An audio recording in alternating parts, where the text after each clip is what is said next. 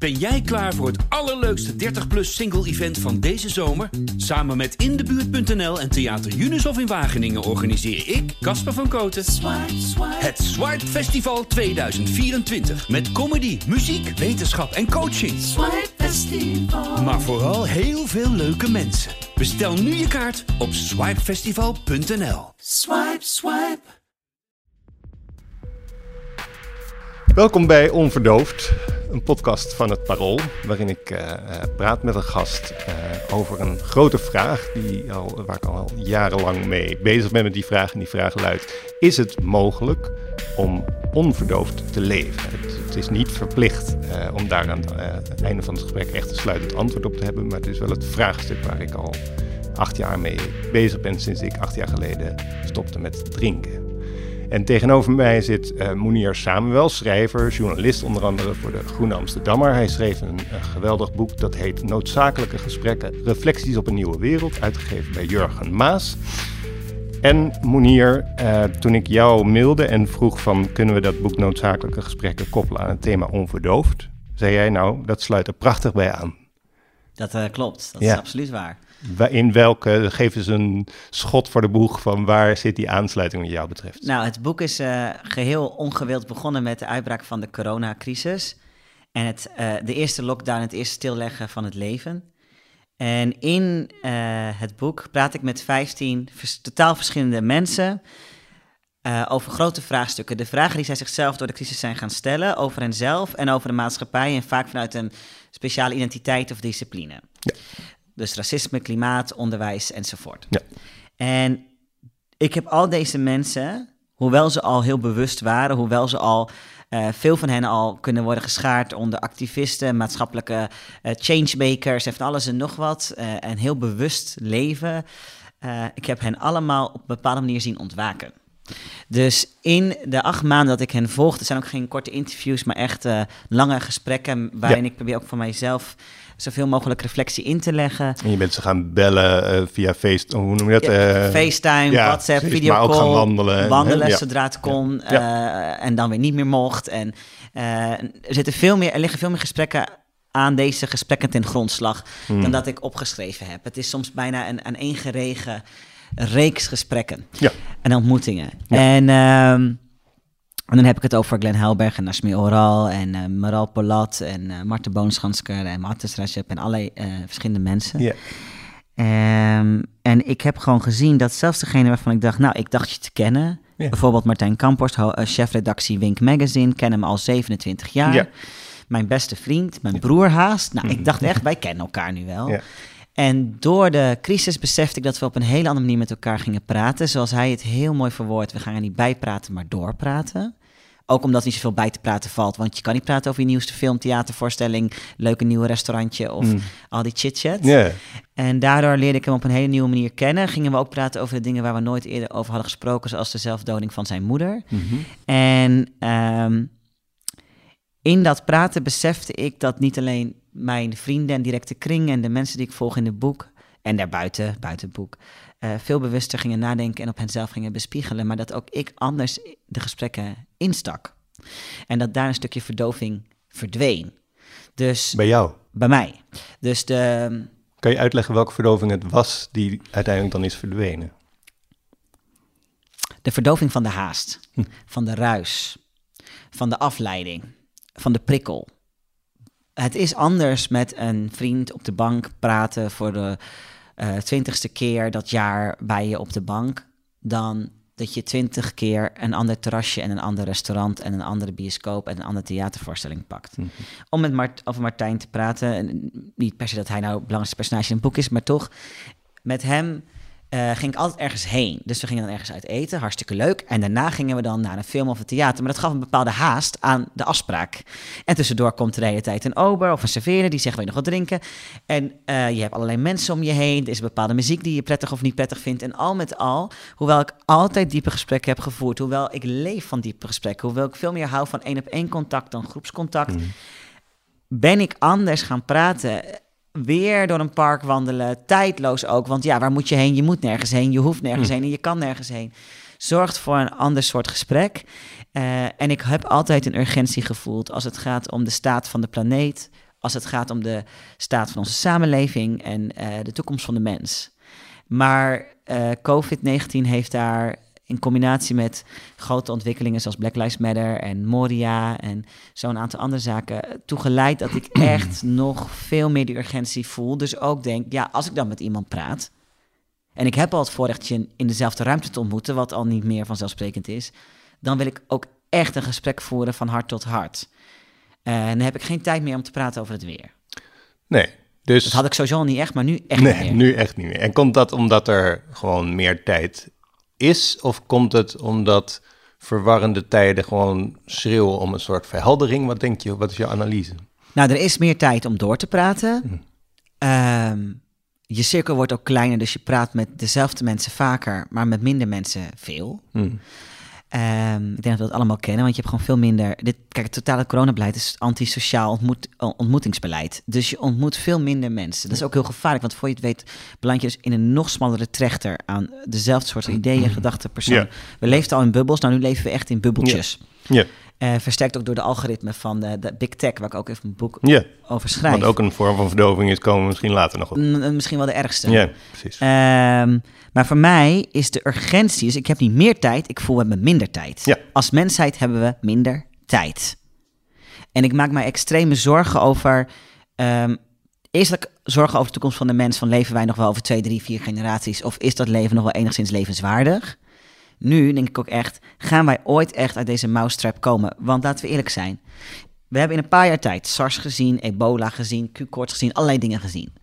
Maar het leek altijd iets ver weg. Dus wij namen hier geen maatregelen, leeft het niet anders als er ergens ver weg enge ebola was of uh, spannende SARS. Hm. Om iets lekker te allitereren. Vanaf nu zal dit nooit meer hetzelfde zijn. Als er ergens een of ander griepje uitbreekt op Indonesië, zal, meteen level 1 routekaart Nederland ingaan. Zal meteen, grote kans, er niet meer ontmoeting zijn boven de 100 mensen. Want we zullen nooit meer met een naïviteit leven dat het ver weg blijft. Dus wij, ons leven, net zoals 9-11.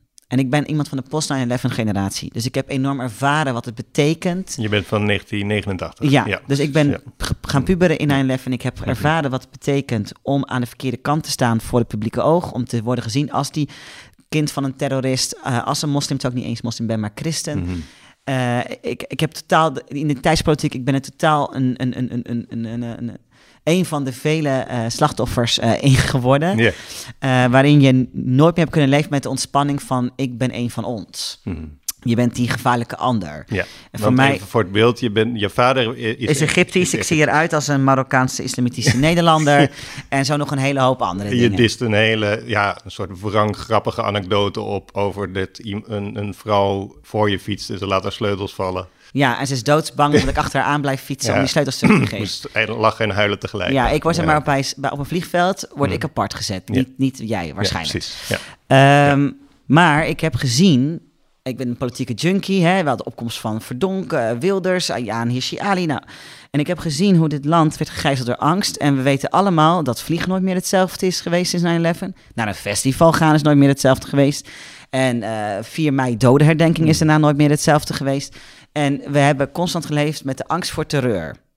Uh, en het heeft enorme effecten gehad op alles. De dood op Pim Fortuyn, dit gebouw binnenlopen, Mediapark, heel veel bewegingsvrijheid en vanzelfsprekend. Dit gebouw is de redactie van het Parool, bedoel je ja, dan? Hè? Ja, precies. Ja. Is, is niet meer vanzelfsprekend. Nee.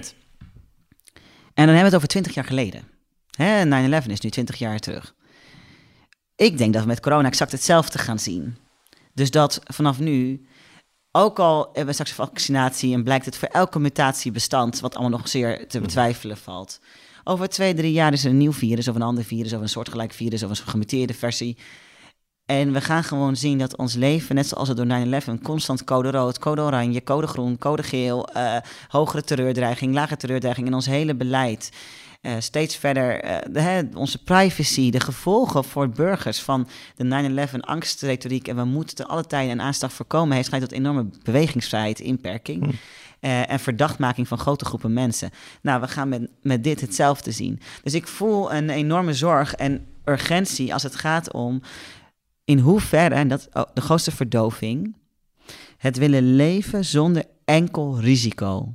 Ja, want dat is de grootste verdoving in onze maatschappij. Er is een woord in jouw boek dat ik heb niet precies geteld, maar ik schat zo 25, 30 keer in voorkomt. Dat het wordt maakbaarheid. Ja, ik heb een gigantisch probleem met de maakbaarheid voor het geval dat je het niet door ja, ja, ja. Wij willen denken dat we godenzonen zijn. Hmm. Uh, of goden kinderen, om het gendervrij te houden. en dat vind ik heel belangrijk. En uh, onder uh, vurige aanvoering van de totaal lege huls van de VVD... Hmm. en een laissez-faire, laissez-passer D60... Hmm. zijn we gaan geloven in de illusie in combinatie met Big Tech, die daar natuurlijk erg van profiteert, dat we alles kunnen maken, vooruit kunnen zijn, voor kunnen zien, wat totaal niet zo waar blijkt zijn. Was niet met de beurscrash zo, was niet met 9-11 zo, is niet met corona zo. Maar goed, anyway. En wij denken ons leven zo te kunnen vormgeven dat het van elk risico is gevrijwaard. Ja, en maar nu zien we het tegenovergestelde. Nu zien we een soort apocalyptische situatie waarin we uh, dreigen ten onder te gaan. En wat doen we? Nemen we de maatregelen om dan daadwerkelijk de grote uitdagingen die echt gevaarlijk zijn, zoals de klimaatcrisis die ons letterlijk allemaal de zuurstof uit de longen neemt aan te pakken? Mm. Nee, in de plaats daarvan trekken we ons terug in ons eigen veilig bubbeltje van comfort en proberen met vooral materiële, materieel comfort en een soort van extreme risicomijding ja. zoveel mogelijk ons eigen leventje te kunnen leven. Zullen we daar even op focussen? Want dat is een soort bijenkorf die je schetst waarin ieder zijn eigen kamertje heeft. Ja, een shop-in-shop concept. Ja, een shop-in-shop, heel mooi gezegd. En een bubbel daar, in bubbel. Ja, precies. En daarin zit iedereen maar een beetje te Netflixen, om het even te chargeren. heel veel uh, toxische uitwisseling van uh, data, likes en weet ik het wat. Ja, we zitten echt dus, uh, meer dan... Dus wat voor wereld leven we eigenlijk dan op dit moment in? Een virtuele bubbel die ons nog de polarisatie en de extreme nog verder uitvergroot. Want ik bedoel, jouw Facebookpagina en de mijne is al niet hetzelfde, was al niet hetzelfde. Maar door ons extreme datagebruik is het nog vele malen verhevigd. Op dit moment ben ik even het statistiek kwijt, maar al in de tweede, derde maand van de eerste lockdown werd in de VS gemeten dat uh, volgens mij het internetgebruik, het dataverkeer nou, echt met duizend procent toenam. Echt hm. extreme aantallen. En daarvan was maar 18% werkgerelateerd. Dus we zitten. En ik merk het ook aan mezelf. Ik wil niet eens meer een app downloaden die bijhoudt hoe vaak ik swipe of mijn telefoon open, want dan word ik depressief. Uh, dat wordt hartstikke knalrood, code zwart, weet je. Daar heb ik helemaal geen zin meer in. Maar ik merk het ook. Ik ben een persoon die alleen woont. Hm. Alle avonden zijn een soort uh, eindeloze verlenging van hetzelfde na hm. negen uur. Zelfs als een vriend of vriendin komt uh, eten, dan moet hij na anderhalf, twee uur weer weg. Want hè, op tijd thuis zijn voor de avondklok. Uh, en dan begint je avond om half negen, want dan is die persoon net de deur uit. En hoe zou jij daarin dan jouw gemoedstoestand omschrijven nu? Uh, bijzonder verstikt. Ik hou niet van Netflix en ik hou niet van, ik kan niet stilzitten. Dus voor mij is de hel elke avond thuis met mijzelf zitten. Netflix waar ik gewoon na één aflevering klaar ben en nooit heb begrepen hoe mensen. Kijk, ik heb altijd real life gehad, dus mm. I don't need reality TV. Mm. I live reality.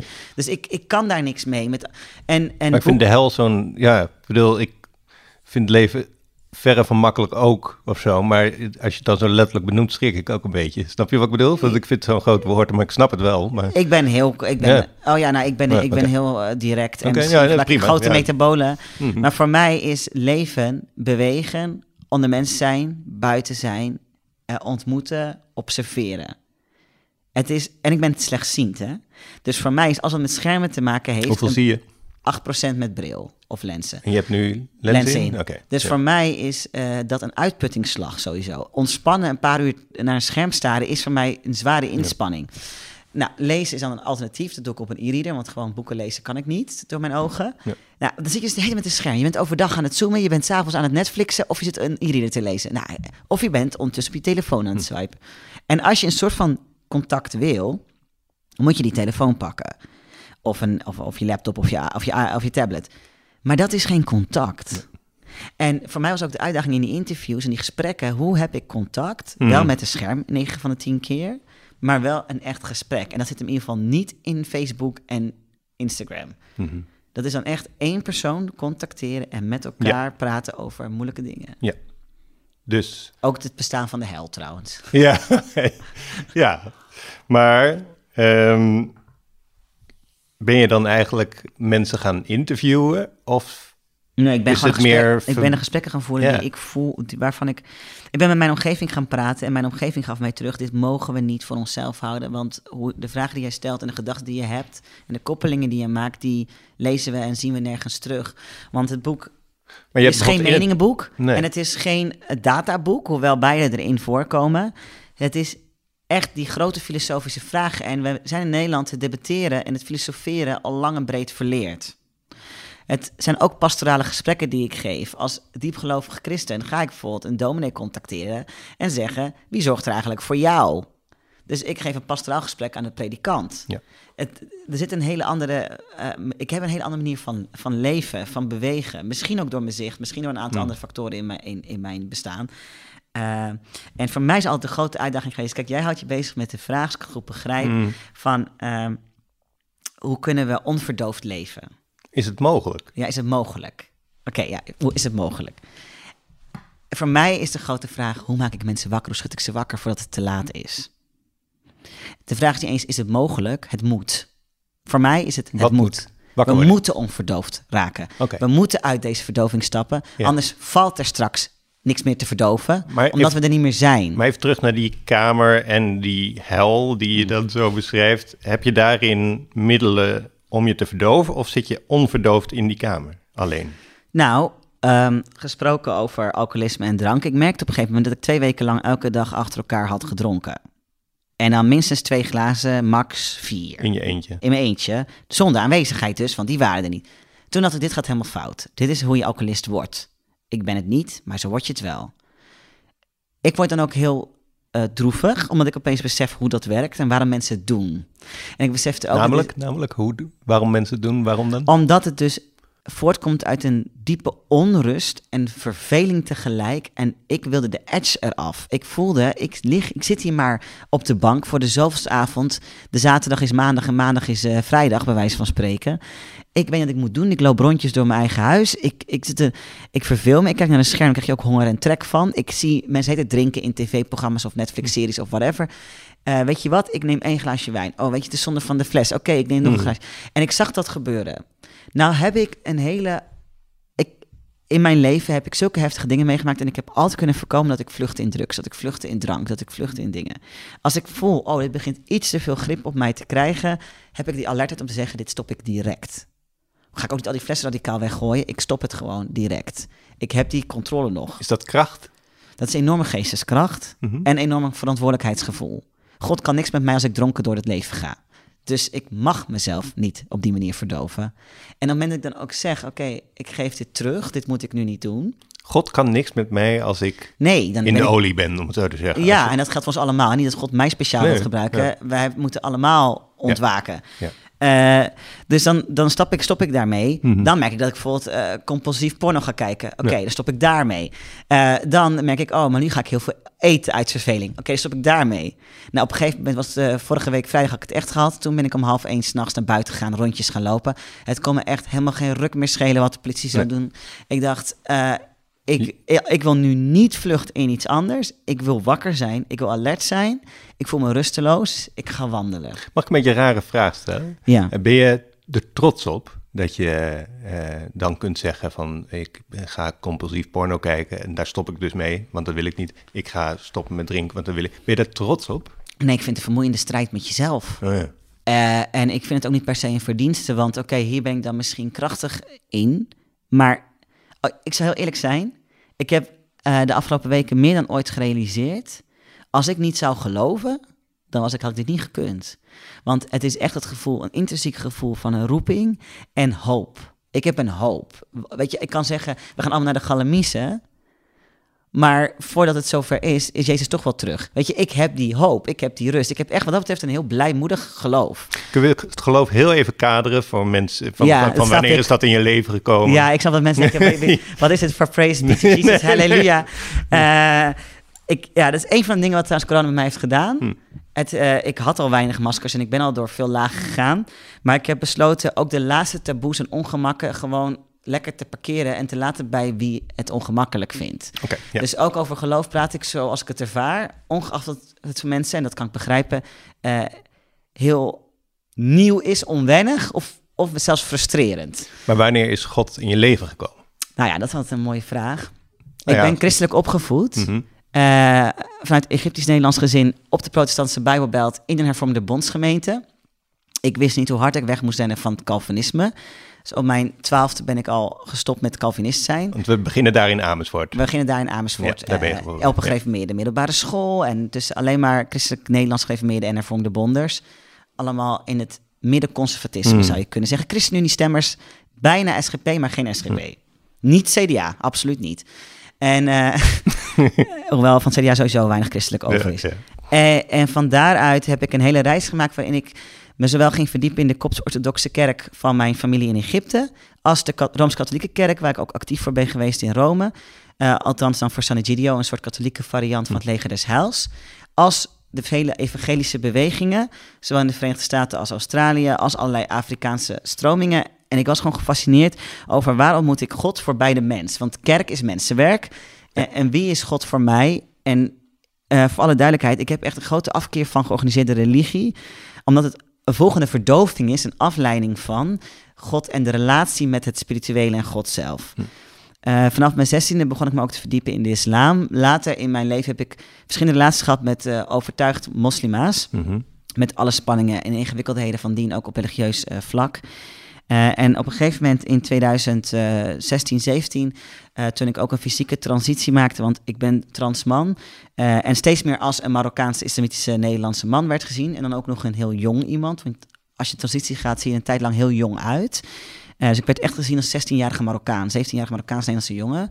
Uh, en ik heb echt gemerkt en ervaren wat dat betekent. Um, omdat ik ook. Voor jou of voor anderen? Voor, in de samenleving, hoe je wordt behandeld. Want als in vrouwelijke vorm, gek genoeg, werd ik veel witter beschouwd en Nederlandser beschouwd dan nu in mannelijke vorm.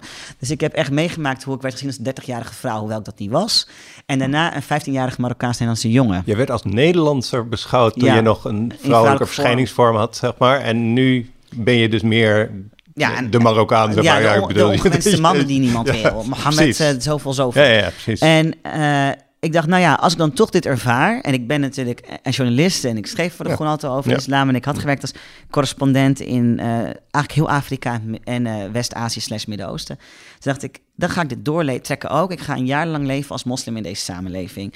Dus nou, de vrijdagmiddaggebed, of het met Jeleba overstaat. Ik heb echt alle grenzen opgezocht. En ik ben in allerlei verschillende islamitische gemeenschappen gaan bewegen. Van salafistisch tot heel vrijzinnig tot ex-moslim.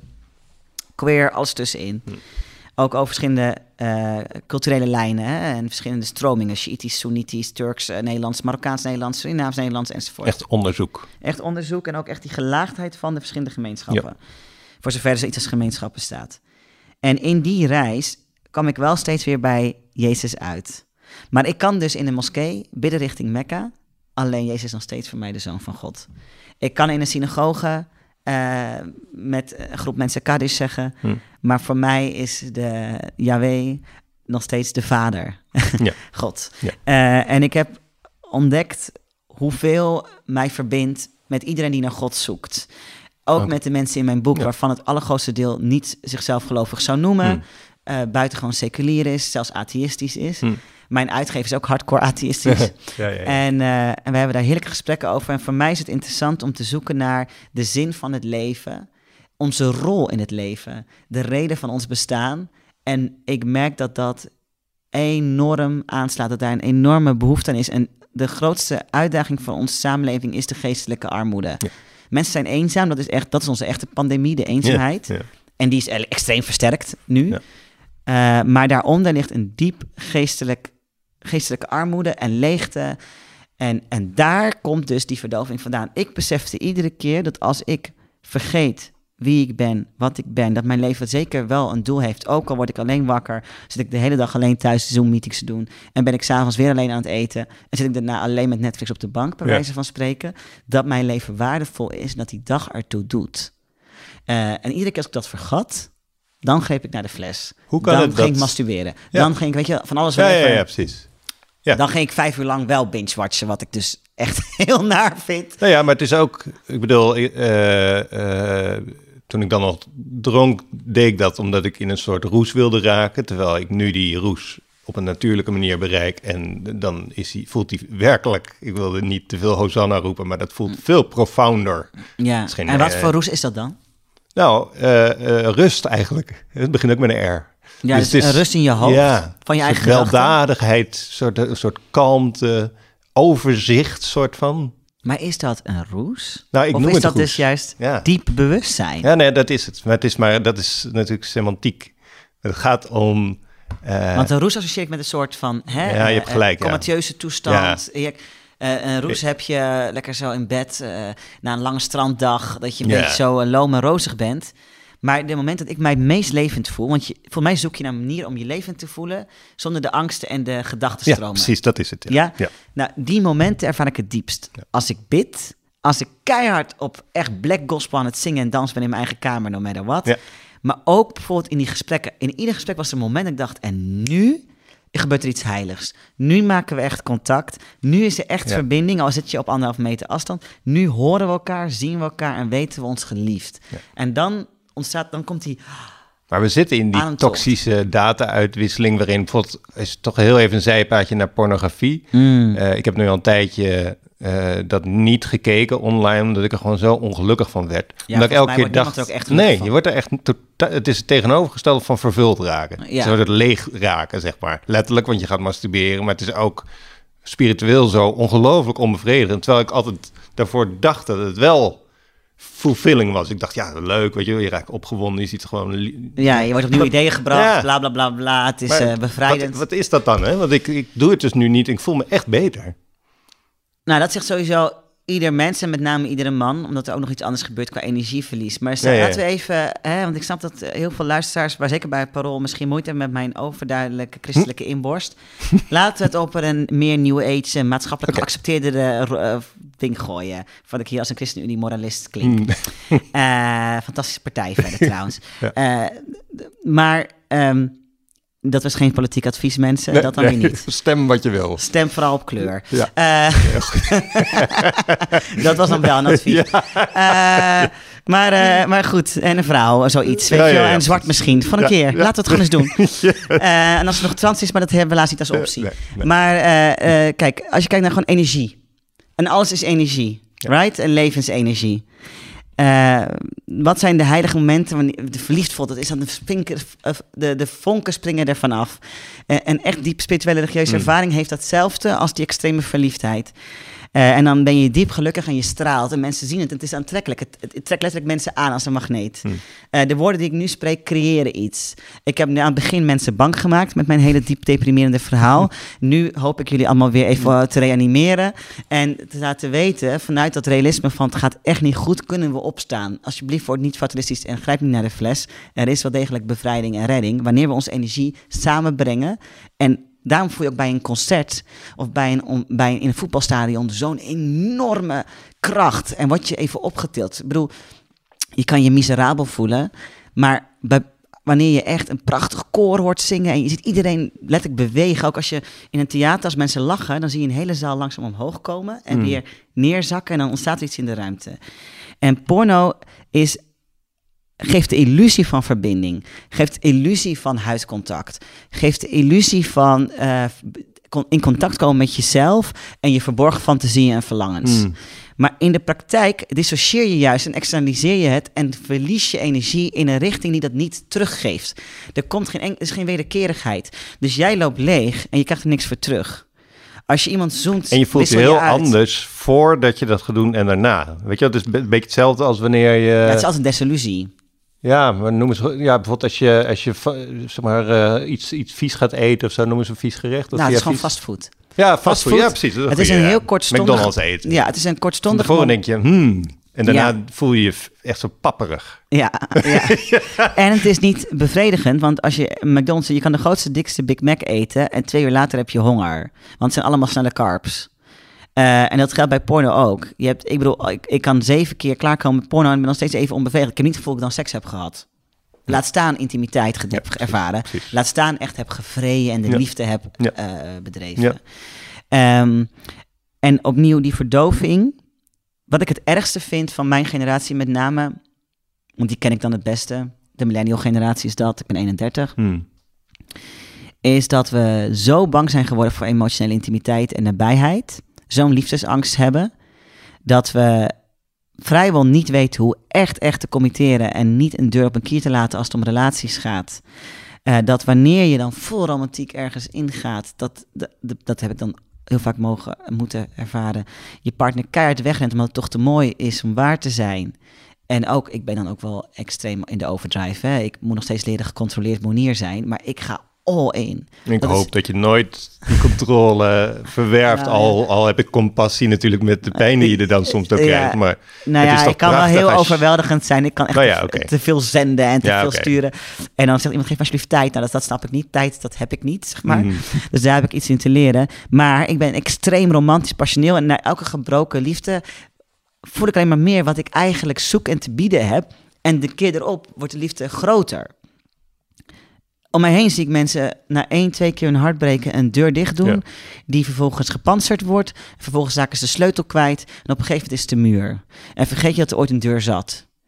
Diezelfde angst zie ik ook in liefde naar het God toe. Het idee dat een onvoorwaardelijke liefdesbron van God is, is zo eng. En roept zoveel ongemak op dat we, we durven niet in contact te staan met onze schepper. We durven niet in contact te staan met de schepping. En we durven niet in contact te staan met schepselen. Namelijk hè, de mens. Dat zeg je heel mooi. En die drie eenheid. Laten we die drie eenheid vasthouden dan. Zullen we dat één keer herhalen om even tempo te onderbreken van... Ja, sorry. Dus, nee, dat geeft niks, maar gewoon omdat, omdat het zo belangrijk is. Ja, dus we, we durven in dus contact niet... staan met de schepper. Of het universum of de kracht van het al. Niet met de schepping, ergo de aarde, de natuur. Daar echt contact mee te maken. Als je dan een kip eet, slacht hem zelf en pluk zelf de veren. En kijk dat je het nog steeds wil. Mhm. En niet met de schepselen, ergo Gods kinderen, wij, de mensen, onderling. Die dat echt contact maken, vinden we doodeng. En we zijn zo bang om echt te worden gezien en echt zo gehoord en echt gevoeld en echt ervaren. Mhm. Hoe erg we daar ook naar behoefte aan hebben, dat we alles doen om dat te verdoven. Maar nou heb je in je boek uh, een gesprek dus onder andere we gaan met... uit, hè? we gaan uit als het weer mag. Ja. Maar met zoveel pillen, dat je net zo goed... Oké, je bent dan met duizend mensen aan het dansen. Zit van, oh, ik zou zo graag willen dansen. Man, bij een gemiddeld technofeest ben je niet met duizend mensen aan het dansen. Je zit allemaal in je eigen bubbel van MDMA, ecstasy, speed, GHB te dansen. Er is geen enkel echt contact. Na afloop weet je helemaal niet met wie je gedanst hmm. hebt. En je hebt geen gesprek gevoerd. Dus we kunnen allemaal wel huilen om, oh, we kunnen niet met z'n duizenden dansen. Er is geen licht.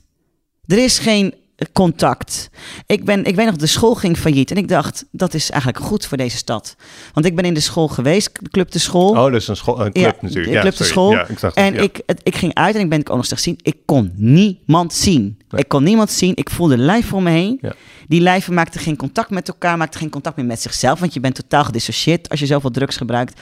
En ik dacht, dit is gewoon, dit is de hel. Oké, als we dan over echt hel hebben, dit is de hel. Totale leeg, totale afwezigheid van licht, totale afwezigheid van liefde. Ook al gaan er hele mooie mensen heen. Er komen er hele mooie mensen uit. Maar daar ter plekke weten we niet hoe we met elkaar moeten dansen, moeten zijn. En dan denk ik aan mijn uh, aan feestjes in Egypte, clandestine feestjes. Mm. Uh, waarin gebuikdans werd met lelijke TL-balken. Niemand alcohol dronk, niemand drugs had. Ze zat gewoon de thee in de cola. En het was toch een feest omdat je er echt was. Ja. En ik kan nog precies vertellen wie wat zei, deed, wanneer, hoe. Uh, hoe je naar elkaar lacht. En er werd niet gezoend, er werd niet gefoost. Dat kon allemaal niet, super haram. Maar je was wel echt. Samen. En je, je was in contact met je eigen lijf. Je voelde elke beweging. Je zag alles om je heen. Je hield netjes anderhalf meter afstand, want je mag niet te seksueel worden. dus ik, het is toch veilig ook. En, en die, dat is een voorbeeld. Maar, de mensen zijn, noemen. maar mensen zijn bang en die angst verwoord jij ook, onder andere in je gesprek met Nasmir Oraal, mm. die jou vraagt of eigenlijk uh, jou helpt om een brief aan jezelf te schrijven. Ja, dat, is een, voor het eerst Dat is een hele ontroerende scène in het boek uh, van jou. En die brief aan jezelf begint met de woorden... En zij tekent hem op, hè? Ja, het was een brief van vele kantjes. Ik heb alleen maar klein fragmenten ja. van. Lieve Monier, ik heb je lang niet gehoord... omdat ik je niet waardig genoeg achtte je van een stem te voorzien. Ja, ja, ja, ja dat zij dat verwoord op basis van wat ik had verteld. Na zeven, Een zeven uur lang gesprek met Nashmi Oral, mensen. Ik was gezegend die dag. En maar, daarna. Maar je, je had Nashmi nodig om die woorden op papier te krijgen. Ja. Dus je had eigenlijk een, een soort intermediair nodig bijna. Nou ja, kijk. Want dat is de kern van deze gesprek in dat boek ook. Dat je dus mensen nou niet gebruikt, maar Nou, nee. Snap je? Als je het zelf allemaal in een soort essays had opgeschreven, was het een heel ander boek geworden. was een heel ander boek geweest. Maar je moet ook iets begrijpen. Andersom heeft iedere deelnemer aan de gesprekken gezegd... je hebt mij compleet nieuwe inzichten gegeven over mezelf... en je hebt mijn woorden verwoord zoals ik ze zelf niet zeggen kan. Dus wat Nashmi doet voor mij, doe ik weer voor haar. Het is totale wederkerigheid. En als we even teruggaan naar die angst... Wat gebeurt er als je wel echt contact maakt? En echt contact met God, echt contact met de schepping en echt contact met de schepselen. Dan krijg je de pijnlijkste, confronterendste, ongemakkelijkste spiegel die je kan zien. Als wij echt naar de aarde gaan kijken, als we echt bewust om ons heen kijken naar de natuur, als we echt contact maken, dan beseffen we, dit gaat niet goed en het is mede mijn schuld.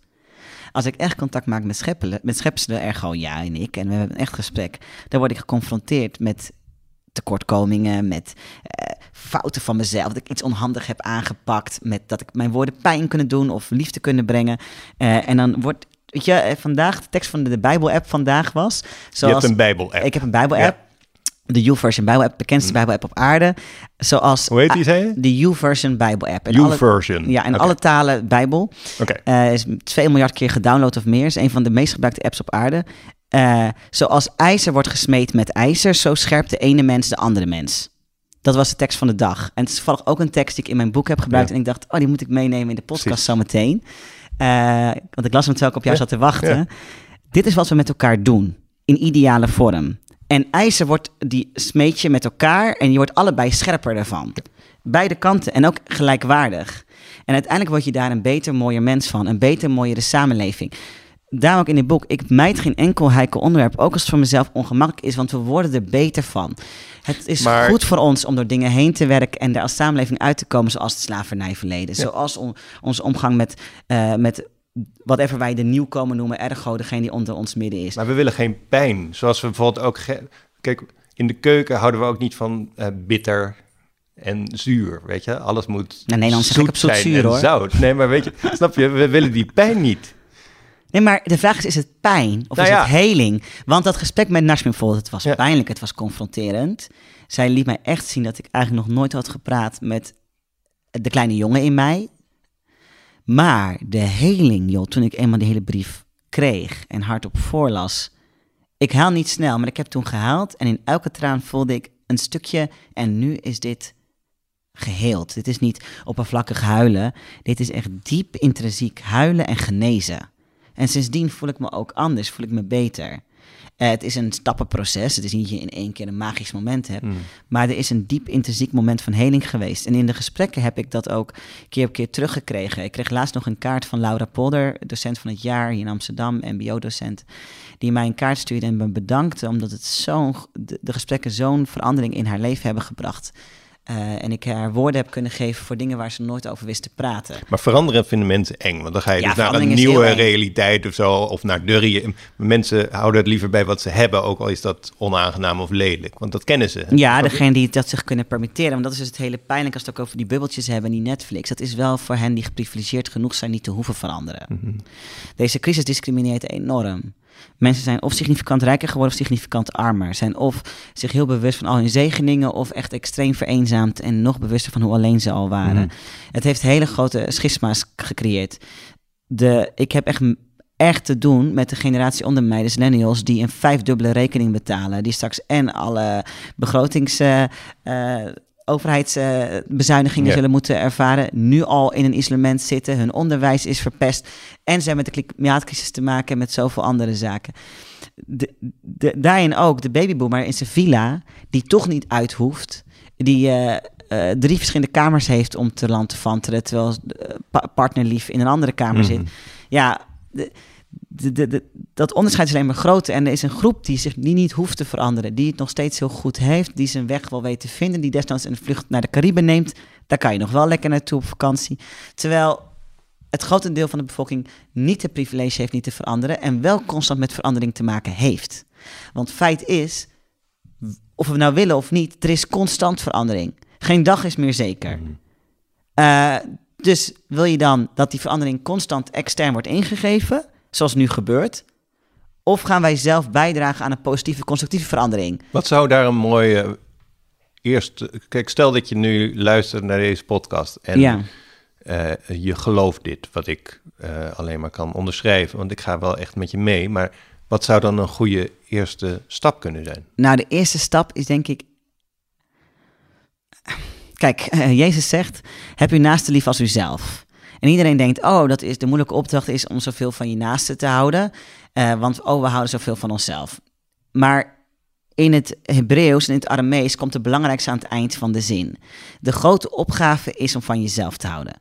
Dan zegt iedereen, oh ja, maar je moet inderdaad eerst van jezelf houden voordat je van de ander houdt. Hè? Je kan pas eerst een relatie hebben, je kan, eerst, je kan pas liefde hebben als je eerst van jezelf houdt.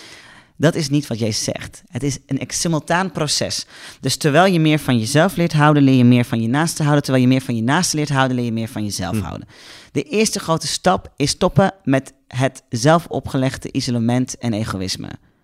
Ik kan niet groeien als ik het contact met de ander uit de weg blijf gaan.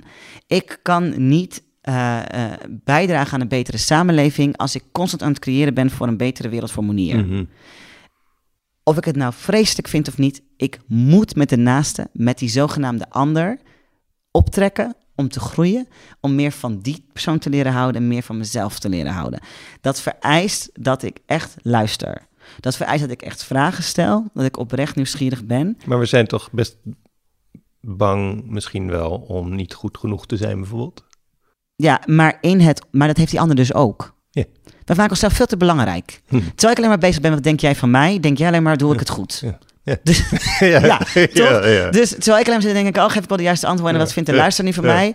Ja, de luisteraar kan nog wat van alles vinden, want die is zelf even buiten schot. Maar jij denkt alleen maar, heb ik, maak ik nu een goede podcast. Dus, dus als ik nou eens even loslaat, dat ik denk... Ik ga ook loslaten, ja. Ik, ik, ga ook loslaten, terwijl, is dit een goede podcast? Ja, dus terwijl ik gewoon echt probeer te luisteren naar wat heb jij te vertellen, wat is jouw verhaal? En jij luistert naar mij leer ik alleen al door empathie op te brengen voor jouw verhaal ook empathie te hebben voor mezelf.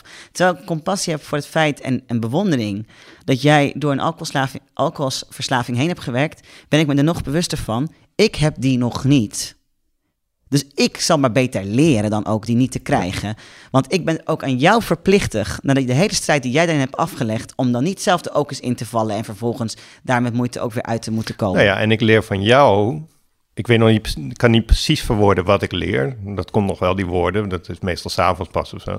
Maar ik weet dat de momenten waarop ik me het meest verbonden voelde met, mm. eh, met alles eigenlijk, mm. was uh, op momenten dat ik, uh, nou, bijvoorbeeld sprak met een dominee. Mm. Die uh, betrokken was bij de, of die de uitvaart leidde van mijn opa bijvoorbeeld. En die heb ik toen heel vaak bezocht. En toen spraken we gewoon over het leven en over grote dingen. Maar je kan net zo mm. goed zeggen kleine dingen. Het zijn gewoon de dingen. Ja, de dingen die je te eh, doen. En ja, en het ging helemaal niet over overtuiging. En, uh, maar het ging echt om, om, om leven. Maar er was geen belang. Snap je? Er was niet, niemand won. Nee, maar dat is dus het echt authentieke, noodzakelijke gesprek. Ja. In mijn boek bijvoorbeeld praat ik met bijna iedereen over God. Ja. Maar ik heb geen één keer de intentie iemand te bekeren. dat is ook niet aan mij. Dat moet God dan maar doen. Dat moet die persoon zelf maar ontdekken. Ik kan alleen maar hè, het licht uitdragen wat in mij zit. En echt oprecht praten met jou. Zonder enige schroom. Ook al weet ik dat het ongewenst is soms of ongemakkelijk. In die authenticiteit bied ik jou de kans jouw vertwijfeling, vragen, hoop, vrees te uiten. Zo krijg je een echt gesprek. In dat, laten we dat, die lijn doorzetten, hè? van mm hou van je naast als van jezelf. En die, die, die spiraalbeweging omhoog van groeiende zelfliefde en verbinding ook. Dat betekent dat je niet gaat praten met degene die je al kent. Er staat ook in de Bijbel, het, is, het vereist geen liefde om te houden van wie, je, die, van wie jou houdt, maar je vijanden lief te hebben. Of degene die anders is, degene die je nog niet kent. In het ontmoeten van die ander is de grote uitdaging om vervolgens in die andere een verlengde van jezelf te zien. Dat anders zijn is alleen maar begratie van jou. Wat betekent dat? Als je het verlengde van jezelf in iemand anders ziet? Laten we zeggen, jij bent wit, ik ben van kleur. Jij bent cisman, ik ben transman. Dat zijn allemaal, hè, wij zijn anders. Volgens identiteitspolitiek hebben we bijna geen woord meer tegen elkaar te zeggen, feitelijk. Ik zou zelfs kunnen zeggen, ik praat niet meer met witte mannen van een bepaalde leeftijd. Maar daarmee maak ik jou tot een set identiteit en dan ontmoet ik niet meer de mens Erik Jan. Ontmoet ik ook niet meer de ziel Erik Jan. Ontmoet ik niet meer de geest Erik Jan. Ik weet niet wat je drijft, ik weet niet wat je passies zijn, ik weet helemaal niks. Ik zie alleen maar set identiteiten. wanneer wij een echt noodzakelijk gesprek gaan voeren en ik zeg: Oké, ik ga van jou houden zoals ik van mezelf houd. En dat is: ik hou niet genoeg van mezelf, ik hou nog niet genoeg van jou. Maar laten we het eens proberen. Dan voorbij identiteiten gaan wij ontdekken dat wij alleen maar anders zijn. Begratie van elkaars anders zijn. Jij bent wit omdat ik het niet ben. Waren we allebei wit geweest, dan viel dat wit weg. Jij bent cis omdat ik trans ben. Waren we allebei cis of trans geweest, dan viel die etiket weg. Dus al die identiteiten bestaan bij gratie van de andere identiteit. Dat levert heel veel ongemak op in deze samenleving. Want we hebben altijd alleen maar de zogenaamde ander die afweek van de grote meerderheidsnorm uh, belabeld, benoemd. Maar de witte cis-hetero wel-abled man kreeg nooit een naam. Hmm. Daar is ook geen scheldwoord voor. Je kan een wijf zijn, je kan een N-woord zijn, je kan een Jood zijn. Je kan een, allemaal scheldwoorden. Homo is een scheldwoord. Kaaskop, maar ja. Nee, dat, is Niet, dat dekt niet die witte man die cisgender is, een hetero en zo. Daar is geen, dat is geen scheldwoord. Mhm. Dat is gewoon de norm. Daar, is, daar leven we uit en kijken we uit. En wat we moeten herkennen is, voor elke identiteit bestaat een tegenovergestelde identiteit. Dus als jij mij dan allemaal bijvoeglijk naamwoorden wil geven, dan geef ik zo ook aan jou. Ontmoeten we elkaar dan nog? Nee. Mhm. Dan ontmoeten we alleen maar bijvoeglijke naamwoorden die niks zeggen over wie wij zijn. En de uitdaging is: stap 1, ga echt op zoek naar mensen die niet op jou lijken. Ik weet dat het heel lastig is in deze tijd van corona, maar geloof me, ga één keer naar de supermarkt en je hebt er een paar. en ga daar eens mee praten. Dat is niet makkelijk. Dat is echt wel eng. Dat vereist enorme kwetsbaarheid. Alleen al in deze tijd tegen een random stranger hallo zeggen roept al argwaan op. Dat is de mate van vervreemding die we hebben. Maar ook een glimlach. En ook dankbaarheid. Want iedereen is even verlegen om een praatje en even een gesprek met, met iemand anders dan je, eerst, dan je drie, vier mensen in je bubbel. Dus voer dat gesprekje. Kijk elkaar even aan, dat kan ook zonder mondkapje. Uh, met mondkapje, excuus. Nee, klopt. Ja. Um, probeer elkaar eens via de ogen een knuffel te geven. Vanuit daar, probeer eens binnen vijf minuten iets te vinden wat je bindt. Het is namelijk mogelijk. Met ieder mens op aarde. Er is altijd iets wat je bindt. Al is het uh, passie voor een bepaald soort eten, muziek, uh, bezorgdheid over een bepaalde kwestie. Er is altijd iets wat je verbindt. Mhm. En ook in het de tegenovergestelde zit een verbinding. Dus mijn uitgever en ik, mijn atheïstische uitgever en deze diepgelovige man die ik ben, vinden elkaar in het praten over God. Hij in de antithese van God en ik in de, het bestaan van God. Maar de, daar zit een enorme verbinding. Van blijkbaar vinden we het allebei heel belangrijk, heel veel te praten over God. En hij heeft mij nodig om te bestaan. Want er is geen zak aan om een atheïst te zijn als er geen theïsten meer zijn. Ja, ja, precies. Ja. Dus opnieuw een, een, snap je? Dus je bent anders bij gratie van iemand anders anders zijn. En dan is de vraag, oké, kan je van die ander leren houden? Want als jij die ander niet meer afwijst, wijs je ook niet meer een deel van jezelf af. Want uiteindelijk zit het ongemak in iets in jezelf. Dus iedere luisteraar die tijdens dit gesprek heeft gedacht: wat praat die man irritant? Mm. Het is irritant, is die, praat hij mm. snel? Oké, vraag aan u, luisteraar. Mm. Waar zit uw ongemak? Waarom ben ik irritant? Zeg ik misschien dingen die waar zijn? Zeg ik misschien dingen die nieuw zijn, waar je over na moet denken en dat vind je ongemakkelijk? Heb je moeite met mijn gelovigheid en dat het parool geld uitgeeft aan een uh, christelijke uitzending hier en evangelisatie? Nou, allereerst. Um, het spijt me dat de EO ook via dit uh, kanaal tot u doorgedrongen is. Uh, maar waar zit uw ongemak? Is het misschien omdat het bestaan van God, ook al bent u ervan overtuigd dat het niet zo is, een ongemakkelijke werkelijkheid zou kunnen zijn? En al is het voor 0,0001% waar, dan roept dat vragen op over uw leven. Hè, uiteindelijk kan ik alleen maar daar frictie creëren waar iets in de ander zit. Je schrijft in je boek over de moeite die je uh, nog steeds hebt mm. bij momenten om je eigen donkerte in te gaan, noem je het. En je schrijft dan om Gods licht juist op die verborgen plekken te laten schijnen, zodat ik weer vrijelijk kan reflecteren. Ja. Kan je uitleggen waar die moeite in zit? Nou ja, kijk, ik om dat net... licht binnen te laten, om het zo te zeggen. Kijk, ik sta net die beide handen vragen aan de luisteraar die voor zover ze me nog niet irritant vonden, waarschijnlijk nu echt irritant vinden. Uh, maar uh, um, um, ik kan dit zeggen omdat ik het zelf, me er zelf van bewust ben. Uh, ik ben wel zover om in te zien dat als mensen bij mij een bepaalde frictie of spanning oproepen, of ik mij onveilig voel, ik voel me bijvoorbeeld heel vaak onveilig, uh, dat dat heel veel zegt over iets waar ik in mijzelf nog mee aan de slag moet. En het verleidelijk is dan te zeggen: jij bent onveilig, jij bent onprettig, ik ren weg. Uh, ik, ik gewoon het contact, ik blokkeer jou, uh, wat dan ook. En natuurlijk, hè, het is belangrijk om grenzen te kunnen stellen. Als iemand allerlei transfobe dingen naar mij op Twitter stuurt of uh, via DM van Instagram, dan hoef ik dat natuurlijk niet te, te, honoreren en maar naar te luisteren. Dan wens ik die persoon veel zegen, maar ik blokkeer hem wel als het doorgaat. Ik heb altijd één, ik heb, je krijgt drie waarschuwingen en dan is het klaar. Oké, ja. Uh, gaat nu niet allemaal massaal uitproberen, mensen, want ik te druk. Nee, nee. Uh, maar ik heb daar wel een soort colantie in van je mag een waarschuwing, krijg je wel nog een waarschuwing, dan is het klaar ook, want ik heb hier geen tijd voor. Uh, dus natuurlijk is het belangrijk om grenzen te kennen, maar in principe even los van deze extreme discriminerende voorbeelden, hmm. is een irritatie zegt vaak meer over jezelf dan over die ander. En dan moet ik bij mezelf nagaan, wat is dat? En dat echt stilzitten. In de Bijbel staat, in het Nederlands is het niet mooi vertaald, maar in uh, verschillende Engelse vertalingen staat: Be still and know that I am God. Dat echt stil gaan zitten en niks doen. En dan je geest horen spinnen. En al die stemmen, hè, uh, projecties die je geïnternaliseerd hebt van uh, uh, angsten, uh, oude trauma's, herinneringen, misschien de angst om altijd alleen te blijven, frustraties, machteloosheid, het gevoel je dag weer niet genoeg te hebben gedaan. Dat, dat knalt allemaal door je hoofd. En dan dat gewoon te laten zijn en niet daarvoor te vluchten. Dat is de ultieme vorm. ja.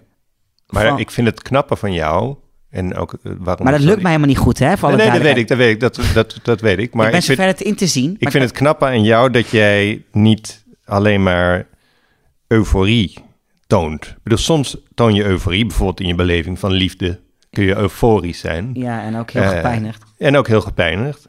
Maar in dit geval is het niet zo dat, uh, dat God en Jezus alleen maar licht brengen, want soms kun je dat licht niet binnenlaten. Dat is dat citaat wat ik net noemde. Dus ja, dat je die... dat licht schijnt op duistere plekken waar je helemaal niet wilt zijn. Nee. Um, kijk. Maar hoe werkt dat? Want je zou dus denken, als je gelooft in alleen maar euforie. Dus je denkt in absoluut. Ja, maar God is geen euforie. Kijk, uh, wat is het symbool van het christendom? Een kruis. ja, het gaat om de opstanding. Er is, maar je moet, kijk, for something to live, it needs, live, it needs to die. Een boom moet al zijn bladeren verliezen. Die moeten in de grond compost worden en alles. Om hopelijk de, de, de lente daarna weer blad te krijgen en vruchten. Bloesem, blad en vruchten. Uh, het hele verhaal van het christendom gaat om dit. Om te sterven aan jezelf. Dead to self staat ook in de Bijbel. Hmm. Sterven aan jezelf en opnieuw op te staan in Christus. Dus alles achter te laten wat niet bij je hoort. Wat, wat, wat na je geboorte uh, je, je, jezelf is aangeleerd, gecreëerd, door trauma is ontstaan. Uh, en daar helemaal doorheen te werken en dan te herreizen in God. En dat dan nog in nederigheid, wetende van het is niet ik, maar u.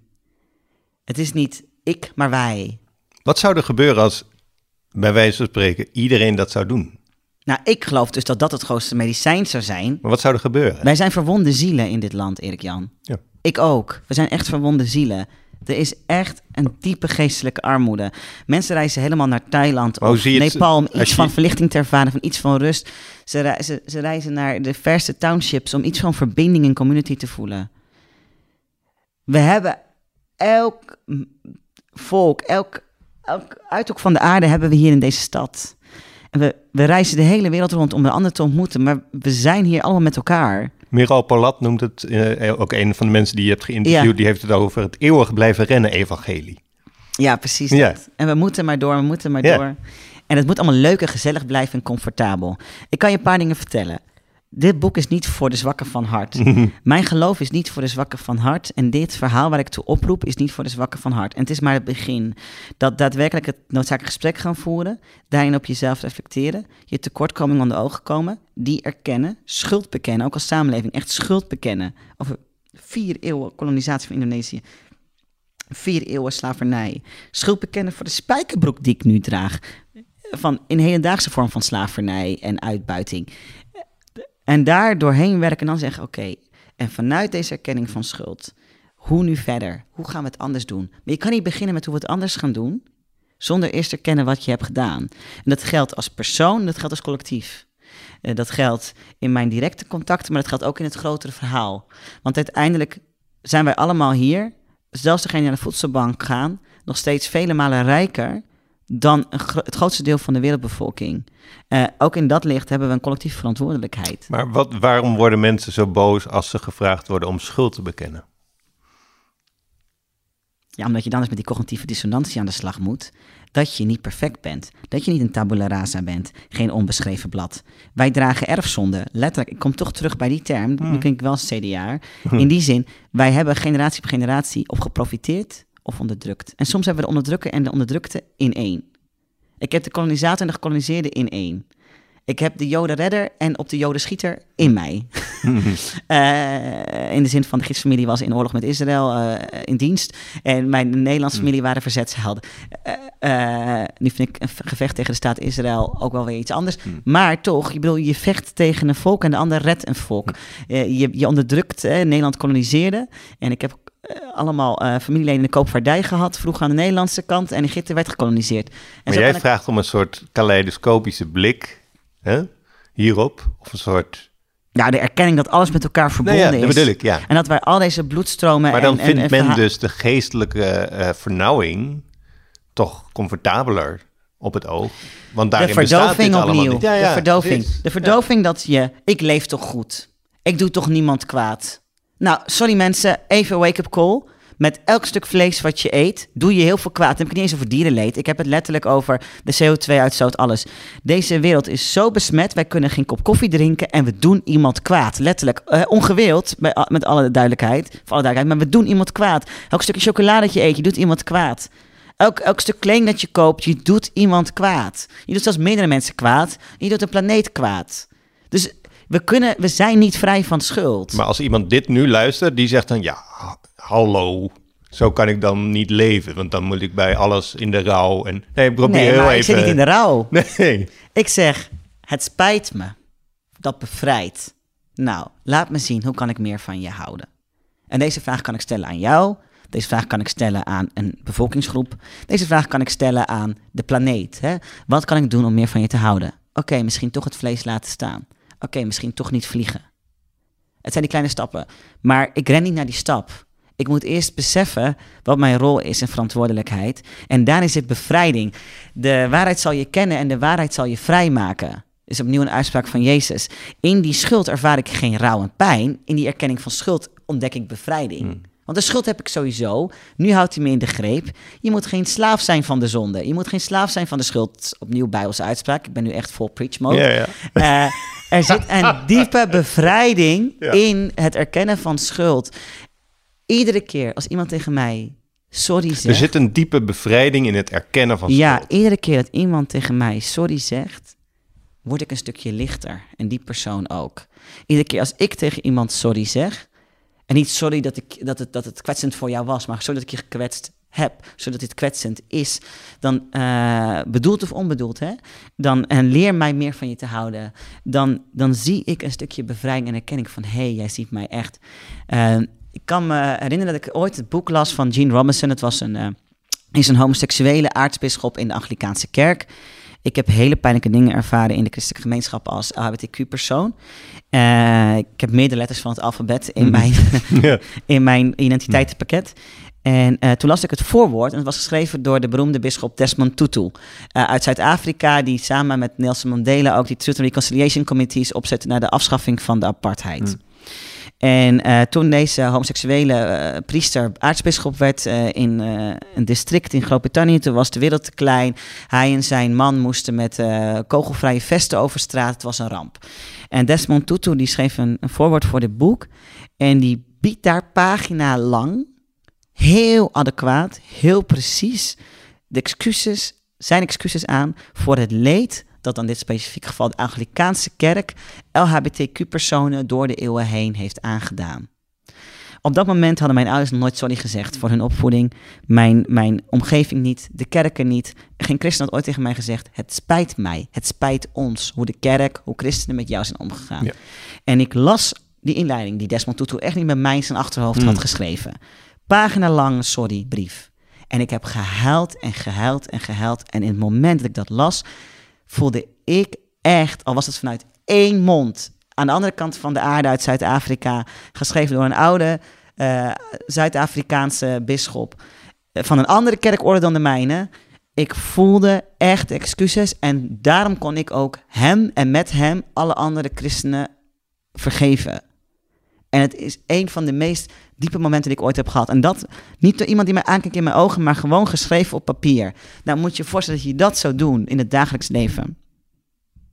Ehm, zo vaak zijn mensen naar mij toegekomen die, die excuses hebben gemaakt en gezegd: Het spijt mij dat ik vooroordelen over jou had.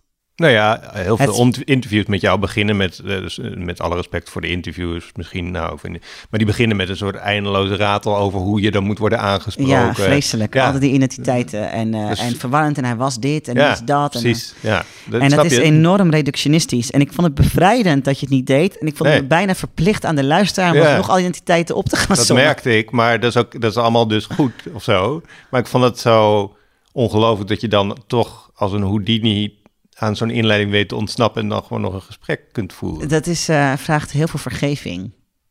Want ik heb je geïntroduceerd als schrijver en journalist. Ja, dat is de eerste keer op deze manier. En uh, ook als je kijkt naar de boeken, uh, de recensies die erover verschijnen. In de recensies heb ik nooit een beroep. Nee. Ik ben alleen maar de transgender. De mensen die ik spreek zijn misschien, hebben misschien nog een beroep, maar ik heb geen beroep. En ik schrijf notabene in het boek wat dat met mij doet. Maar blijkbaar denk ik dat allemaal niet door. Nee. Uh, maar dit is dus iets wat ik nu ervaar, maar wat zoveel mensen in dit land ervaren. Om altijd de zwarte persoon te zijn, overal nergens. Altijd de homo. Altijd, uh, en er zijn zoveel meer dan dat, maar in de volksmond. Altijd, uh, ja, hij is eigenlijk een zij, want ja, ze is geboren als. Die, dat, het is zo pijnlijk omdat je een mens dan niet mens laat zijn. Je laat hem een identiteit zijn. En niemand wil gevangen worden in een box. En dit is een van de dingen waar we collectief schuld voor dragen. Want ondertussen doe ik het zelf ook. Weet je? Ik denk ook, heb ik nog wel iemand van die kleur, die achtergrond ook meegenomen in mijn verhaal. Hmm. En ik moet mezelf erop toetsen. En ik moet mezelf erop laten toetsen. En ik kan hier heel veel overtuiging praten. Maar het mogen duidelijk zijn dat ik enorm faal in al mijn intenties. Ik faal in het compleet bewust leven, in altijd zelf als eerste mijn excuses maken of zelfs verantwoordelijkheid te dragen voor dingen die ik misschien niet letterlijk heb gedaan. Ik faal in het zijn van uh, de man van de toekomst die ik wel wil zijn. Ik wil een ander soort man zijn dan de man die ik in mijn leven heb meegemaakt. Ik wil man zijn herdefiniëren, maar ondertussen leid ik ook aan geïnternaliseerd seksisme en uh, toxische masculiniteit.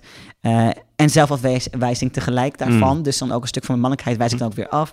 Uh, ik kan heel veel vuur over God praten, maar ik heb een haat-liefde tot God. Want ik vind dat hij mij een moeilijk leven heeft gegeven vaak. Mm. Uh, of zij, of die. Yeah. um, ik hou van de kerk, maar ik, ik word gek van de kerk. Ja. En uh, zo kan ik nog duizend andere dingen noemen. Ja. Ik weet niet waar ik op moet gaan stemmen met de aankomende verkiezingen. Uh, ik kan, ik, zo kan ik doorgaan. Het, is een, uh, het leven is vallen, onthouden hoe je bent gevallen en weer opstaan. En dan weer vallen. En dan weer onthouden hoe je bent gevallen en weer opstaan. En wij willen alleen maar opstaan. Ja. En we willen niet praten over hoe we vielen. En we willen zeker niet pra praten over wat we daar aan, aan hebben, van hebben geleerd. En dan raak je verdoofd. In je boek noem je, want deze podcast heet Onverdoofd. In je boek noem je twee andere woorden die beginnen met on. Mm. Namelijk onaangeraakt en onbegeerd. Oh ja, ja, ja. Uh, daar moet natuurlijk wat context bij. Dus daar gaat het om uh, deze tijd ook wel. Hè? En, en uh, de eenzaamheid die je daarbij voelt. maar ook de begeerte die hoort. En de, de, op het moment dat zeg maar, een trans vrouw die wordt geseksualiseerd bijvoorbeeld. Ja, die wordt geobjectiveerd en. Ja. En een trans man dat die is compleet gedesexualiseerd door eigenlijk alles en iedereen in de samenleving. Precies, en dat maakte mij heel verdrietig toen ja. ik dat las. Nou omdat, ja, dat. Zo, omdat dat zo plat en lelijk is, die wereld. Uh, en de woorden onaangeraakt en onbegeerd die je daarbij schreef, die wil ik toch nog heel eventjes op een schaaltje leggen. Mm. Als je dat goed vindt. Dat, uh, nou, let's try. Ja. De context van dit fragment is dat ik uh, het heb over zelfdoding onder HBT-personen ja. en dan die cijfers noem. En dan het specificeer naar transgender als de groep. Transgender als personen als de groep. En ik praat niet heel veel over gemeenschappen en groepen, maar eigenlijk ben ik ja. daartegen. Ja. Uh, die, uh, uh, ik zoek ook nog naar een nieuwe taal. Ik ben ja. ook mee bezig met het ontwikkelen van een nieuwe taal. Mm. Maar die dan de hoogste mate van suïcidale neigingen en suïcidepogingen doen in, in Nederland. Ook wel daarbuiten trouwens. En dat kan je dan weer opsplitsen dat transgender vrouwen disproportioneel vaak slachtoffer zijn van verkrachting, seksueel geweld en moord. Ook in Nederland, ook afgelopen jaar weer in Rotterdam. En daartegenover staat de transman, die niet geseksualiseerd wordt, die niet snel slachtoffer is van verkrachting, hoewel nog steeds disproportioneel meer dan cis-mannen. Maar uh, met name leidt onder diepe depressie van gewoon gebrek aan aanraking en seks, terwijl je tegelijk een hoger testosterongehalte hebt, mind you, dan een cis-man. Uh, en eigenlijk door een puberteit heen gaat, ongewild, door het zo veranderen van hormoonspiegel. Want het hoge testosterongehalte... Vaak 40 keer meer dan een gemiddelde cis-man. Maar dat wordt ook opgewekt of zo. Dat wordt, dat wordt geïnjecteerd. Ja, precies. Dus, uh, En dat is de bedoeling, want daardoor heb je de fysieke veranderingen die gewenst zijn. Uh, en, en, en val je hormonaal meer samen met je uh, psyche. Um, en leidt tot de vaak gewenste fysieke veranderingen, hoewel die secundair zijn aan het psychologische erkennen van je eigen mannelijkheid in dit geval. Maar dat onbegeerd zijn en, en ondeedbaar, dat is voor mij. Ondeedbaar. Ja, dat is bijna de, het gevoel wat je krijgt als je als transman beweegt in deze samenleving die ook door de identiteit, denk je, maar waar val jij bij? Want ik ben hetero, maar jij bent niet een echte man. Of ik ben lesbisch, maar jij bent een man. Of ik ben panseksueel, maar ja, als ik dan een avontuur ben, dan wil ik met een vrouw. En het is, we zijn heel binair in, in onze samenleving. En transmannen vallen binnen de binaire, want het is gewoon man. Alleen door die bijvoeglijk naamwoordaanduiding is het geen man. Het is een transman, als een soort subcategorie van de mensheid. En dat is het gevolg van ons identiteitsdenken en van onze verzuiling die ondertussen een kadaster is geworden. Uh, waarin je mensen helemaal opsplitst en identiteiten ook heel belangrijk worden. Dus bijvoorbeeld, ik heb ervaren dat homoseksuele mannen heel angstig worden op het moment dat ze beseffen dat ze gevoelens krijgen van een transman. Want dan zouden ze geen echt homo meer zijn. Terwijl de mannelijkheid in de transman is die zij aantrekkelijk vinden. En de vaak superknappe ja. vorm. Want transmannen zijn gewoon disproportioneel mm. superknap. Hè? Beste luisteraars, google mij en dan kan je dit establishen. en ja. en uh, ik heb hier zelf helaas hele pijnlijke ervaringen mee. Ooit hoop ik een boek te schrijven over mannelijkheid. Nu is dit, dit nog te gevoelig. Hm. Dus dat is ook, hè, als je het hebt over dat licht schijnen. Het vraagt zo'n enorme kwetsbaarheid. Uh, en zelfreflectie. het is moeilijk om afstand te nemen van genoeg afstand te hebben van jezelf en tegelijk kwetsbaar te zijn en, te, genoeg samen te vallen met jezelf om over dit soort onderwerpen te praten en te, te schrijven. Hmm. Maar in mijn boek doe ik hier en daar in gesprek met de anderen een bespiegeling daarop. En uh, ik denk dat op dit moment heel veel mensen voelen hoe het is om onaangeraakt te zijn, om um, ook echt lichamelijk contact en seks te missen. Uh, ik bedoel, je kan nog 3000 stukken in, de, in allerlei bladen lezen over hoe je op digitale seks kan hebben, maar mm. het, is gewoon totaal niet uh, huidaanraking. Ja. Oral heeft het ook over huidhonger, een vreselijke term, maar uh, wel letterlijk te voelen. Ja, ja, ja. Uh, en voor mij was een van de grote inzichten afgelopen jaar in mijn bijzondere reis met mijn geliefde die ook in dit boek voorkomt, te weten, maar ik ben wel begeerd. En ik ben wel aantrekkelijk. Daarom ben ik nu ook zo vol van mezelf. Dat heeft ze heel goed gedaan. En uh, ik verdien liefde. En ik mag het verwachten en ik mag het ontvangen. En ik mag ook accepteren dat ik meer ben dan wat mensen van mij maken. Want zolang ik zelf ook mijn konst als transman neerzet, en dit is het lastige. Aan de ene kant breng ik het in omdat het maatschappelijk relevant is. Aan de andere kant reduceer ik mijzelf daarmee ook tot iets.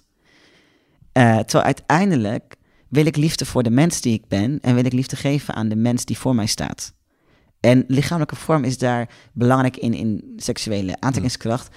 Maar uiteindelijk, ik weet niet hoe het bij jou zit, maar ik kan klaarkomen van een goed gesprek. Zeker. ja, een intellectueel orgasme is buitengewoon ja. aangenaam en een stuk blijvender ook. Ja, Spiritueel orgasme trouwens stops everything. Ja, ja, ja, ja, ja. Geloof me, val in de Heilige Geest en je weet niet wat je over. Maar je moet maar, je moet toch maar kunnen om te midden van de lelijkheid die we net ook hebben benoemd, dan uh, te rebounden met liefde. Snap je? Dat is toch. maar het is geen rebound. Het is de grond waarop ik sta. Ja. Kijk, in 1 Johannes 4 staat: wat is God? God is liefde. Liefde is God. En wie nog angst kent, kent God niet en kent de liefde niet. Want angst houdt verbinding met straf. Zoals we ook hebben over waarom zijn we bang of vinden het zo moeilijk om excuses te maken. We denken, dan worden we gestraft. En ergens blijkbaar vinden we ook dat we dat verdienen ook nog. En daarna worden we, gaan we wegduwen. We zijn als kinderen die zeggen, nee, Hm. ik heb geen stoepje uit de koektrommel genomen. Terwijl eh, iedereen weet je wel, mama weet ook je wel. Maar je bent natuurlijk bang voor straf. Dan zeg je nee. Hm. En zelf weet je nog het hardst, want je proeft de snoep nog tussen je tanden. En ik zie liefde niet als een rebound. Het is de bron waaruit ik ben ontstaan. Het is de bron waar ik naartoe ga. En het is de bron waar ik tussendoor uit leef en put. Maar het is de bron ook waar de haat eh, niet bij kan. Nee. Dus, wat is de grootste uitdaging en zegen nu voor vloekers? Zodat als kolen op hun hoofd, brandende kolen op hun hoofd opstapelt. Keer die andere wang toe. Ja. Ja. Eh, de, de, los van de, de sorry's zeggen. En ik heb daar bijzondere dingen in meegemaakt. Bijvoorbeeld, ik ben op Bali geweest. En toen ik daar was, besefte ik opeens... ik heb hier wortels. Ik heb hier in mijn verleden, in mijn vorige generatie... ik ben niet van reïncarnatie, maar ik voelde echt... voor het eerst ging ik er bijna in geloven... ik ben hier geweest. Ik kan niet uitleggen, maar ik ben hier geweest. En ik ben uiteindelijk tegen iedere persoon die ik tegenkom op Bali... heb ik mijn excuses gemaakt voor het koloniaal verleden van Nederland. Als Nederlander. Nou, dat leverde enorm veel spanning op. Australiërs, dat deed ik dan in het Engels. En Australiërs, Nederlandse restaurants werden echt woedend. Spraken mij aan, wie ben jij? Jij bent niet eens een echte Nederlander, want jij bent niet eens wit. Hè? En waarom bied jij excuses aan? Dat is lang geleden, dat hebben wij niet gedaan. Nou, dus ik mocht niet eens van mijzelf beslissen dat ik wel excuses wilde maken. En iedere keer als ik dat zei, ging de persoon huilen. Of het nou een taxichauffeur was, of het nou een bediende was, of het nou het manager van het hotel was, of het nou een gids was, of het nou een, eh, bedelaar op straat was. Ik heb het tegen iedereen de hele acht dagen gedaan. En iedere persoon ging huilen en zei: Dankjewel. Ik wist niet dat ik dit nodig had. Het is een heel bijzonder Hm. heil- eh, heilige reis geweest uiteindelijk. En, ehm en, en, eh, en de tweede diepe he- helende werking die ik heb ervaren, is dat iedere keer wanneer iemand mij verwenste of iets naars zei, en dat ik kon zeggen, dankjewel, dit geef ik je terug, ik wens je alle goeds. Of, en toch bid ik voor je. Of, en toch geef ik je mijn zegen. En toch, of toch houd ik van jou. En niet omdat ik die persoon leuk vond, maar omdat als ik weet dat ik een kind van God ben, die faalt en die steeds vergeving nodig heeft, een ander en, en liefde krijg, of ik nou een goede dag heb, een slechte dag, of ik nou van God wegren of, of naar hem toe ren, ik krijg Gods liefde. In allerlei vormen, elke dag. Dus ik moet die, die, die verlengde arm ook aan een ander uitstrekken, zelfs al mag ik geen hand meer geven. En iedere keer wanneer ik die liefde gaf, en dat was niet altijd makkelijk, hè? wanneer ik dus mijn vervloekers zegende, dan gebeurde iets. Dan viel er een masker weg of een panzer weg. Alleen de meest van zichzelf vervreemde persoon kon dan nog boos en naar blijven. De meeste mensen waren echt in shock en reageerden. Want ze verwachten een strijd, ze verwachten drama's, ze verwachten conflict, ze verwachten dat je hun verwenst. En iedere keer als het mij lukte dat niet te doen, en in plaats daarvan het tegenovergestelde doen van you can go love yourself, en Oh, ja. dan gebeurde daar iets. Hm. Eh, en dan zag je een stukje heling. Want ik dacht, jij bent gewoon alleen een, een kind dat boos schreeuwt en bang is en verdrietig. En dat ben ik ook. Maar we hebben een keus. Vanuit die twee gebroken kinderen of vanuit de volwassen voelende ouder die zegt: Je bent vandaag stout geweest, maar toch geef ik je een kus en breng ik je naar bed en lees ik een bedtijdverhaal voor. En ik heb die ouder ook heel vaak nodig. Hè? Niet dat ik altijd die ouder uithang. Mijn kleine kind zoekt ook naar die voelende ouders en Ja. die liefdevolle stem. Maar, en dat is dan mijn slotvraag aan jou, als we dan toch ook die gebroken kinderen mogen zijn, Ja. En vrije speelse kinderen. en gewoon- vrije speelse kinderen, Ja. hoe doorstaan we dat dan?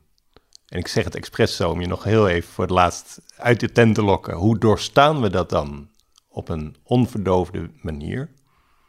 Wat antwoord je dan? Dat, eh, hoe, hoe, hoe Dus we die we, hoe kunnen we zeg maar toch ook die gebroken kinderen zijn Ja, met angsten ja. en donkerte en pijn zonder ons te verdoven? Door dat gewoon te zijn. Door dus niet te verdoven en dat kind niet aan het woord te laten, maar dat kind gewoon te laten zijn. Verdoven is in diepste vorm wegrennen voor onze eigen stem en wegrennen voor ons wat, wat ons met onszelf en de ander verbindt. Dus iedere keer als we ons verdoven, horen we niet dat kind, we overstemmen dat kind. En hoe verder we ons verdoven, hoe harder dat kind van binnen gaat krijsen, want het wordt niet gehoord. Dus wat doe je? Je geeft het kind een hand en je laat het zegt: Oké, lieverd, ik hoor je. Ik begrijp, je bent bang. Je hebt het helemaal gehad. Je bent klaar met alles en nog wat. En zeker met deze kutcrisis. Dat mag. Voel dit. Maar weet ook, er komt een morgen. En door naar je omgeving of zelfs die. Ik heb respect voor mensen die zeggen: Ik vind het heel moeilijk. Dat, ik vind het heel ingewikkeld dat, dat die transitie, dat transitieverhaal. Ik, ik, uh, ik, ik snap het gewoon niet. Ik heb daar meer respect voor dan mensen die, die, zeggen, die claimen hè, helemaal mij te respecteren. Ondertussen de meest abjecte opmerkingen maken, maar zo overtuigd van hun eigen wokeness. Ja. Weet je, eh, de, sowieso woken, er hmm. is niet genoeg woke, wokeness om de slaap uit je ogen te wissen. Uh, maar ik bedoel, wees dan maar zo eerlijk.